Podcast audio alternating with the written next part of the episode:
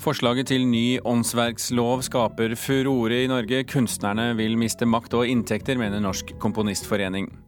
Og Facebook går til grep for å jobbe mot falske nyheter, sånn at det ikke skal påvirke britene på vei til stemmeurnene. Og så skal du få høre et knippe Eurovisjonslåter, og vi skal diskutere dem her i Kulturnytt. I dag er det åpen høring på Stortinget om det omdiskuterte forslaget til ny åndsverkslov. Det er ventet lange køer for å si meningen sin, for det norske kulturfeltet har mange innvendinger. Spesielt én paragraf skaper furore. Paragrafen innebærer at opphavsretten til kunstverk går til arbeidsgiverne fra utøverne. Kunstnere vil miste arbeid om paragrafen ikke kommer med i lovverket, advarer Virke Produsentforeningen. Men kunstnerne vil miste råderetten over egne verk og tape store inntekter, mener Jørgen Karlstrøm i Norsk Komponistforening. Hvis man har skrevet musikk på bestilling, så har bestilleren opphavsretten og vil få betalt hver gang man framfører musikken, i stedet for at den som har skrevet den, får betalt. Regjeringa la i april fram sitt forslag til en ny lov. En total overhaling av den gamle lova fra 1961. Alle vil ha ny lov, men paragraf 71 skaper trøbbel. Den sier at opphavsretten til et kunstverk går til arbeidsgiver som utgangspunkt. Hvis man ikke inngår noen avtale, så er hele opphavsretten overdratt. Vi, vi mener at det, det snur hele forhandlingsstyrken.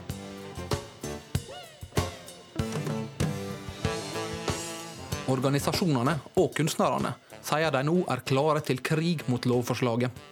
Norsk Filmforbund, Den norske forfatterforening og Norsk Komponistforening er mellom de 19 tunge kunstnerorganisasjonene som samla gikk kraftig ut mot paragrafen i et felles opprop i Klassekampen lørdag. Skal kunstnerne fortsatt sitte på opphavsretten og ha mulighet til å tjene penger på det de har skapt, eller skal noen andre sitte på den opphavsretten og ha mulighet til å tjene penger på det de har skapt? Vi mener helt klart at det er kunstnerne som skal sitte på opphavsretten og ha muligheten til å lage næring ut av det. Det er jo også noe som departementet har vært opptatt av. Og jeg tror ikke helt de har sett konsekvensen, eller de mulige konsekvensene det her kan ha for dem som skaper. Kulturdepartementet har derimot avvist at stillinga til kunstnerne vil bli svekka. Den tydelige budskapen er at paragraf 71 hele tida har vært en ulovfesta regel.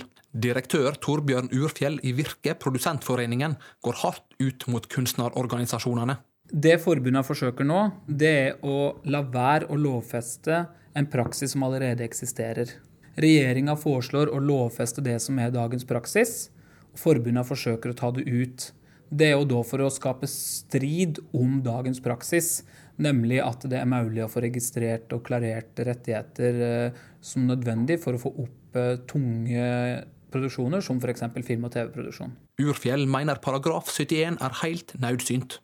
Tydelige, forutsigbare rammer må til for at en skal satse på kultur, sier Urfjell. Han har lita forståing for kritikken fra kunstnerorganisasjonene. Det opprinnelige forslaget til ny åndsverkslov det hadde jo en voldsom overbalanse i retning av kunstneres interesser. Så har regjeringa skjønt det og justert på noen av de mest voldsomme forslagene, slik at eh, loven nå har en litt større balanse, men fortsatt lener over mot rettighetshavere. Og da kan det se ut som at noen av rettighetshaverne mener at de skal igjen forsøke å få en voldsom overbalanse. Det vil jeg advare mot, for det vil føre til at det blir mindre produksjon av åndsverk i Norge, og spesielt de som er kapitalkrevende. Argumenter til Produsentforeninga møter likevel hovedrysting. Jørgen Karlstrøm i Norsk Komponistforening mener det vil bli enorme utgifter til små forhandlinger om paragraf 71 ikke blir fjerna. Konsekvensen dersom paragraf 71 eh, blir innført, er at alle kunstnere, alle kunstnerorganisasjoner og eh, våre rettighetsforvaltningsorganisasjoner må bli mye tøffere i forhandling. Vi må sikre oss i alle bauger og kanter, og vi tror at de som hovedsakelig vil tjene på det, det er advokatene.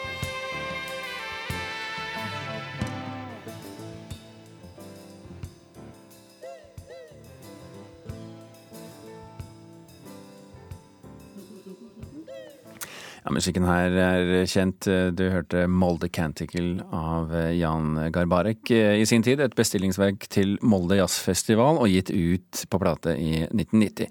Reporter her, det var Hans Olav Riise. Agnes Moxnes, kulturkritiker, kulturkommentator, mener jeg her, her i, i, Kulturnytt og NRK generelt. La oss rykke tilbake til start her. Hva er kjernen i konflikten her? Kjernen er jo at rettigheter betyr eh, penger, og spørsmålet her er selvfølgelig hvem er det som har rett? Betyr det nye forslaget til åndsverkelov åndsverklov at produsenter og kringkaster som f.eks. NRK får tilgang til rettigheter de ikke har hatt tilgang til før, og skjer det på bekostning av kunstnerne.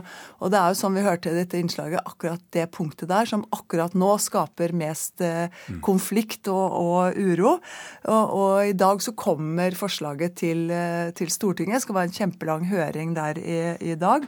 Og dette er absolutt et av de spørsmålene. Politikerne er nødt til å, å finne ut av. Urfjell i Produsentforeningen Virke sier jo her at man må ha en slik bestemmelse for at arrangører skal våge å satse. Er det et godt argument?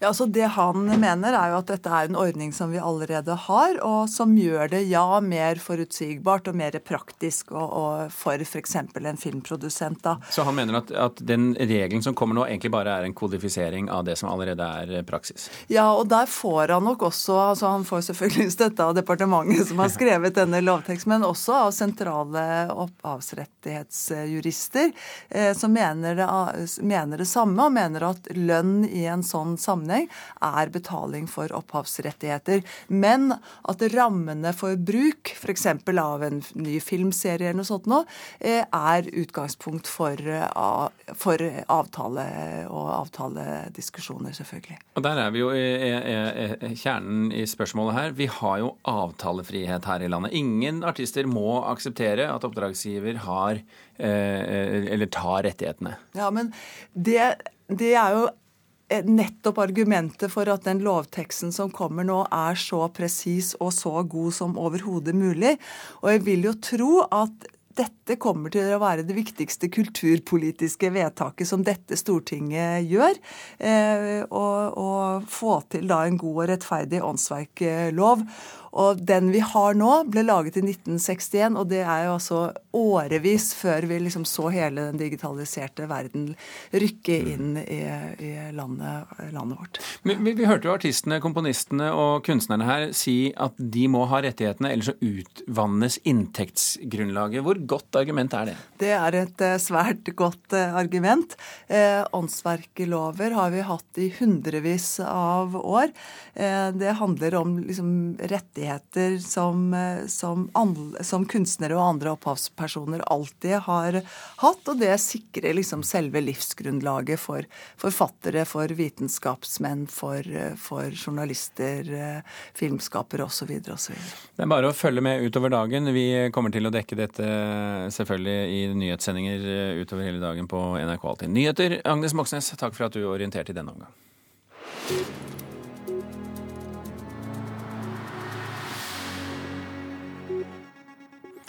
Vi bytter ut Agnes Moxnes med kollega Espen Alnes, som har kommet i studio for å snakke om terrortrusler og terroraksjoner, eh, som f.eks. den vi så mot eh, franske satiremagasinet Charlie Hebdo. Det skremmer og påvirker norsk eh, presse, er påstanden, Espen. Det kommer i hvert fall frem i en ny forskningsrapport. Hvordan blir mediene påvirket? Norske medier har da ifølge samfunnsforsker Olav Elgvin og sosiolog Ron Jon Rogstad, som da har skrevet den artikkelen, blitt mer restriktive med å trykke visse typer innhold, som f.eks. Eh, karikaturer. De baserer konklusjonen sin på flere undersøkelser som er gjort blant journalister, og også egne intervju som de har gjort med norske journalister og tegnere. Og I Klassekampen i dag så trekker da Elgvin fram hvordan eh, angrepet mot eh, Charlie Hebdo ble dekka i 2015. Da var det svært få som trykka selve karikaturene, da det var mer faksimile fra eh, Charlie Hebdo.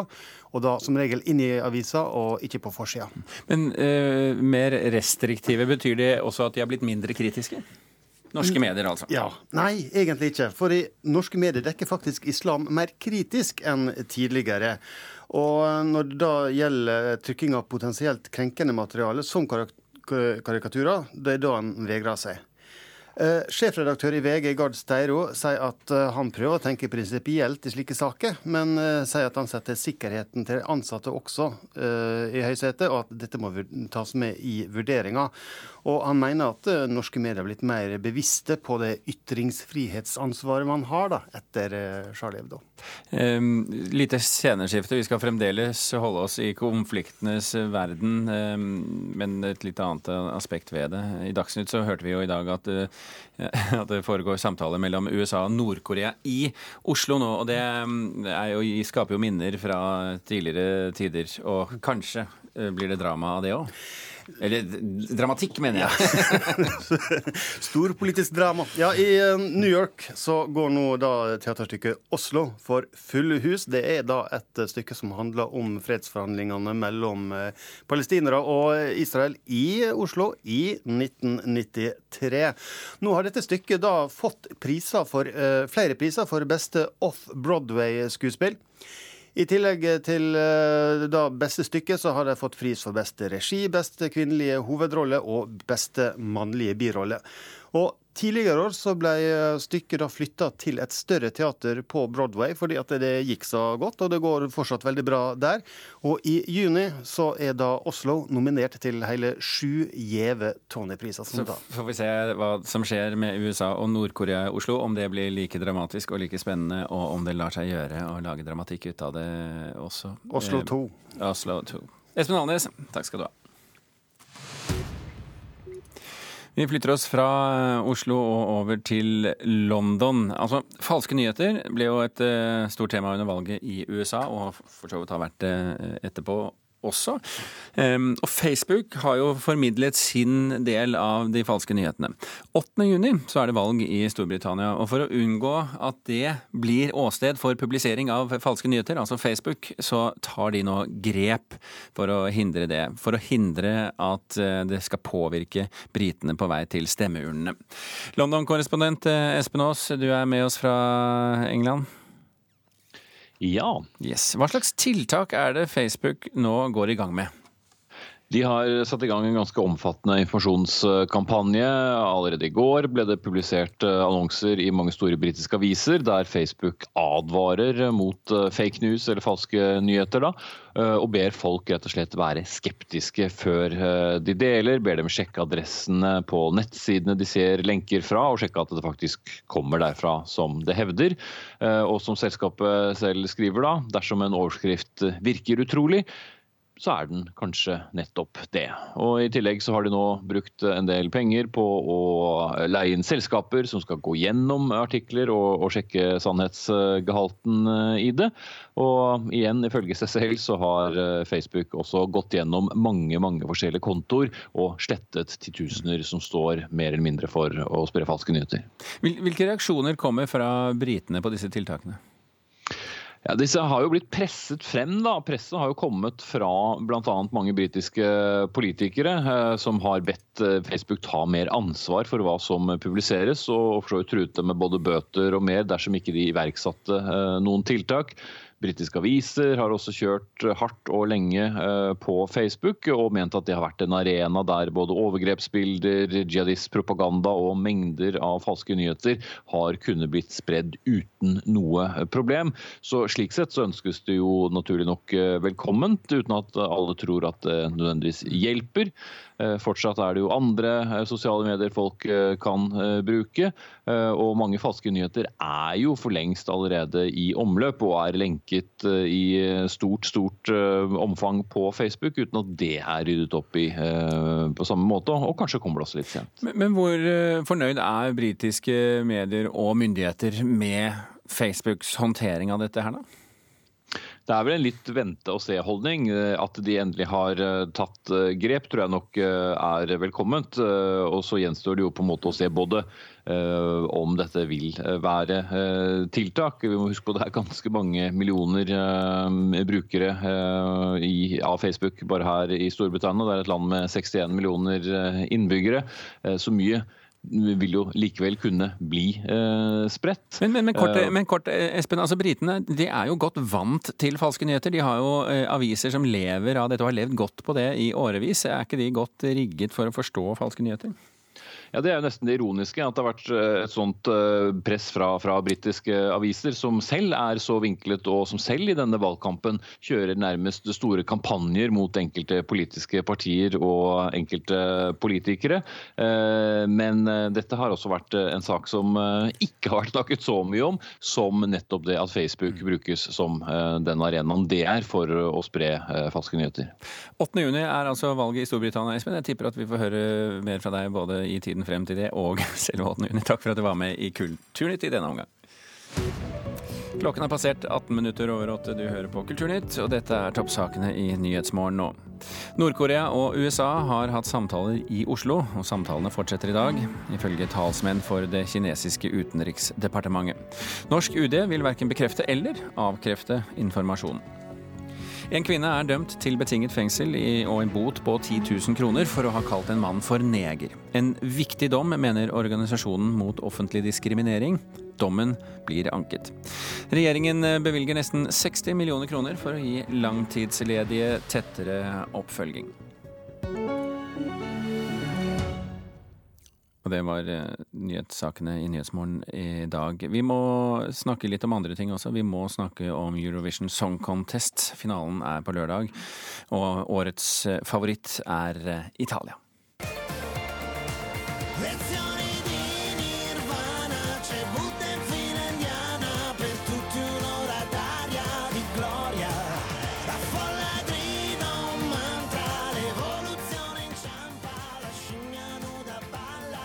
Ja, Dette er altså Italias bidrag som troner øverst på bettinglistene. Og eh, Anders Grønneberg, eh, journalist i Dagbladet og sterk pollenallergiker, velkommen til studio. Hvilket terningkast ville du gitt denne låta i dagens avis om den ikke var eh, forhåndskvalifisert? Eh, den får vi ikke eh, sett, eller den går direkte til finalen lørdag. Men jeg tror jeg ville gitt den en, en sekser. Jeg syns vi er den, der, ja? Ja, ja. Innafor det universet her så er det eh, årets beste MGP-låt. Absolutt. Foreløpig den eneste med terningkast seks, med andre ord? Det, du hadde ikke noen av det i dag? så vidt jeg husker? Det er ingen i dag. Nei, ikke sant? Dag, ja. Anders Tangen, skribent for nettstedet Esk Norge og Eurovision-blogger med oss fra studio i Stavanger, Italia. Er det også din favoritt i år? Så absolutt. Det er ikke så ofte det kommer mesterverk i Eurovision, for å være helt ærlig. Sist var vel i 2009, og dette er et mesterverk både tekstlig, musikalsk, og dette er jo en kjempehit. Den har 110 millioner visninger på YouTube og har ligget på hitlister nummer én i Italia og topp ti på europeiske digitale hitlåter. Så den, den, den, har liksom alt ved seg. Men, men hva er det ved låta du liker? Nei, den har alt. For det første så har den et veldig sånn fengende, litt uten at det er utdatert, så er det litt sånn uh, gjenkjennelig orkestra, orkestralt preg, som vi kjenner igjen fra Eurovision. Samtidig så er det en fresh poplåt som er så ultra-italiensk at vi koser oss og hygger oss med det, tror jeg. Mm. Og så er det for hele familien. altså Det kommer inn en ape og danser her, og det er ikke en gimmick, det er en del av teksta, for dette handler om Charles Darwins bok uh, The Naked Ape, og at evolusjonen er i ferd med å gå tilbake. For er vi nå så siviliserte her i Vesten, eller er vi i ferd med å bli aper igjen? Så det, ja. Dette er ganske dyp tekst også. Ja, ja ok. Eh, eh Grønneberg, eh, Italia ligger øverst på alle bettinglister, i tillegg til eh, å være populær på nettet. Eh, er det dermed gitt at den vinner? Det er det ikke. Det veit vi ikke før uh, seint lørdag kveld. Og, og bettinglistene har jo tatt feil tidligere, så det, det, skal vi ikke ta for gitt. Men jeg mener at her ser vi en soleklar, en soleklar vinner. Og det er sånn som Anders Tange sier, den er uovertruffen.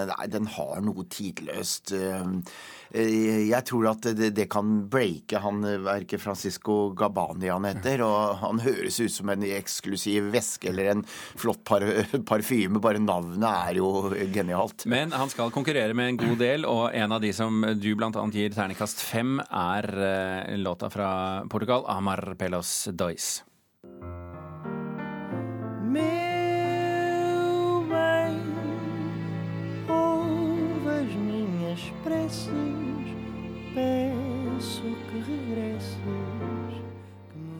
dette er, jo, ja, dette er jo en mann med vakker stemme, om ikke annet. Ja, og jeg syns det her er så nostalgisk, så vakkert, så behagelig. Det er eh, honning og fløyel og nektar og alt du kan tenke deg i én pakke. Mm. Deilig. Eh, er du enig med Grønneberg her? Jeg er så helt enig. Dette er for meg eh, Gressholmen å henge i en hengekøye. Og, uh, dette er deilig. Og han har jo vært syk, så det er jo først nå i går at vi hørte han synge live. For det er søsteren som har vært nødt til å ta prøvene. Så det er en liten sånn tilleggselement her, at han har vært nyoperert. du, uh, hvordan er nivået generelt på årets låter, vil du si, Tangen?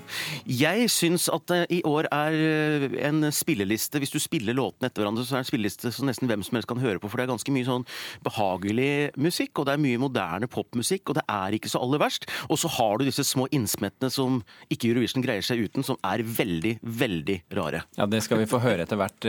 Men eh, først, eh, Grønberg, er du enig med Tangen her? Ja. Det skriver under på alt. Eh, hva med Norge? Jeg syns vi har en helt ålreit låt, men uh, Ikke noen bare... venner? Nei, nei, nei. nei. Jeg får håpe at vi kommer til uh, At vi kvalifiserer oss torsdag til uh, finalen. For det er jo veldig kjedelig å komme til et sluttspill og ikke være med sjøl.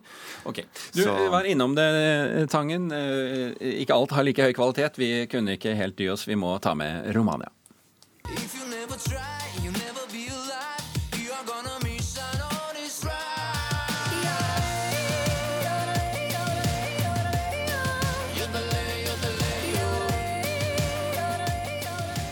må jo bli glad av dette, Grønneberg. Ternekast én, eh, vel Sånn er Enten så får den en terningkast eh, fem, eller så får den eh, to, en eller to. Det er sånn, Og jeg, jeg rygger jo av den jodlinga og den litt sånn hippe rappinga i vokaluttrykket, så det er ja, jeg liker den ikke, men jeg, jeg, tror den kommer til å sanke mange stemmer. Så der tar jeg nok uh, ikke feil, men jeg uh, Du, du setter foten ned som et uh, prinsipp, er det det du sier? Ja, mer det. Ja. Den syns jeg ikke om. Men er det ikke dette, Tangen, som gjør Grand Prix litt gøy? Jo, jo, selvfølgelig. Uten terningkast én-låter fra Anders Grønneberg, så er det ikke Eurovision. Eller terningkast én fra fansen. Og dette er en sånn låt som polariserer fansen. Altså, hvor ellers hører du jodling og rapping i én og samme låt? Altså, det, det, det må jo en Eurovision-setting til for å få til det. Og hvorfor ikke? Altså, jo, jeg kan svare på det, hvorfor ikke. Det, det, men, men, det er noen som faktisk Noen har jo stemt dette fram i Romania, men jeg tror det blir litt sånn Det er litt sånn som spiller veldig fort saksofon på Balla jazzhus. Altså, det er jo ikke spesielt fint, men det er imponerende. er, du, er du enig i konklusjonen, Grønneberg?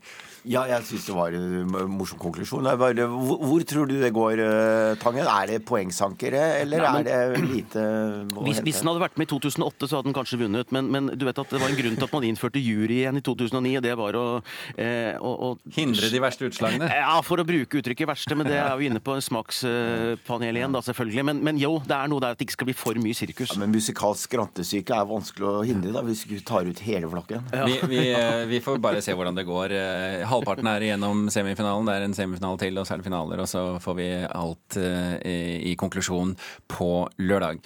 Tusen hjertelig takk, uh, både Anders Grønneberg og Anders Tangen, for at dere var med her i Kulturnytt og gjør dere klar til et lite skifte i temaet nå. For uh, mens den nye bygningen i, uh, til Munch-museet reiser seg i Bispevika, bak operaen i Bjørvika, så opplever selve Munch-museet, der det ligger i sine gamle lokaler på Tøyen, sin største kunstneriske og publikumsmessige suksess på årevis. Og en av dem som kan ta litt av det ansvaret for suksessen, det er kurator ved Munch-museet, Jon Ove Steihaug. Velkommen til Kulturnytt, Steihaug. Tusen takk. Først av alt, Hvordan går det med besøket til den siste Knausgård-kuraterte utstillingen deres? Det er ennå litt uh, kort tid, men uh, det ser veldig bra ut. Absolutt. Og det er ikke så overraskende heller, egentlig. Kommer den til å legge seg inn mellom uh, den dårligste og beste pluss Munch besøkstallet? Altså, jeg tror nok at Munch og van Gogh fortsatt vil bli stående som den publikumsmessig største suksessen eh, en stund til. Mm. Men den kommer sikkert til å, å nå også med sommeren og turister osv. Så, videre, så vi har jo en ambisjon på at det kan bli rundt 120 000. Var det din idé å bringe Knausgård inn? Ja, det var flere faktorer, men jeg var eh, for så vidt eh, med på å, å lansere den ideen, ja. Hva tenkte du på at det kunne bli? Jeg tenkte egentlig først og fremst, for jeg jobber jo med Jeg leder den avdelingen som jobber med utstillinger og, og det kunstneriske programmet, så jeg tenkte jo først og fremst at uh, han hadde noe interessant på hjertet om Munch. etter å ha jeg forstår selvsagt både lest eh, Min kamp osv., men også hørt han holde et foredrag på avslutningen av Munch-jubileet i 2013. Mm. Så det pirret jo litt å, å jobbe videre med Knausgård. Men det handlet også om å invitere en litt mer generell strategi om å åpne museet opp og invitere inn også andre stemmer. For Pluss Munch-serien eh, med sine eh, varierende grad av suksess eh, har jo vært et eksempel på det. At dere bringer andre ting inn. Dere skal ikke sitte på deres lille kjellerlokale og finne ut ting selv. Hvorfor er det viktig for Munch-museet? Vi er jo i en sånn nesten en slags sånn laboratoriefase, vil jeg si, på vei mot det nye museet. Så vi, det er jo veldig interessant for oss å prøve ut ting og utforske Munch og, og rett og slett ja, forstå nye ting rundt Munch og hvordan vi kan formidle Munch. Så, Så hva har dere lært da av denne, denne holdningen, denne laboratorietenkingen? Eh, jeg vil jo si at det som har vært veldig sånn gledelig, og som gjør det veldig meningsfullt, det er at du opplever at du faktisk har et publikum. At du har mennesker som, hvor dette faktisk betyr noe. Så at de, at, at de, er faktisk interessert i å komme hvis dere bare gidder å Nettopp. At du opplever at når du på et vis også tar risiko, da, sånn som vi også har gjort. For det er klart at den Melgaard Munch-utstillingen som var første i, i Pluss Munch-serien, var jo også en risikabel affære i den forstand at vi satte jo uh, veldig mange ting på spill. Men å oppleve da at uh, folk faktisk er interessert og gjerne og vil ha et levende og aktivt Munch-museum, at det betyr noe, det, det, er veldig motiverende. Men er dere redd for at dere nå brenner av alt kruttet eh, før dere i det hele tatt får kommet dere inn i det nye bygget? Nei, altså, Av og til kan man jo tenke at man lager bare fallhøyde for seg selv uh, ved å lykkes. Men, uh, men, jeg tenker jo egentlig at uh, altså, Munch-samlingen har et så enormt potensial at jeg tror ikke det, at vi har tatt ut det på langt nær ennå.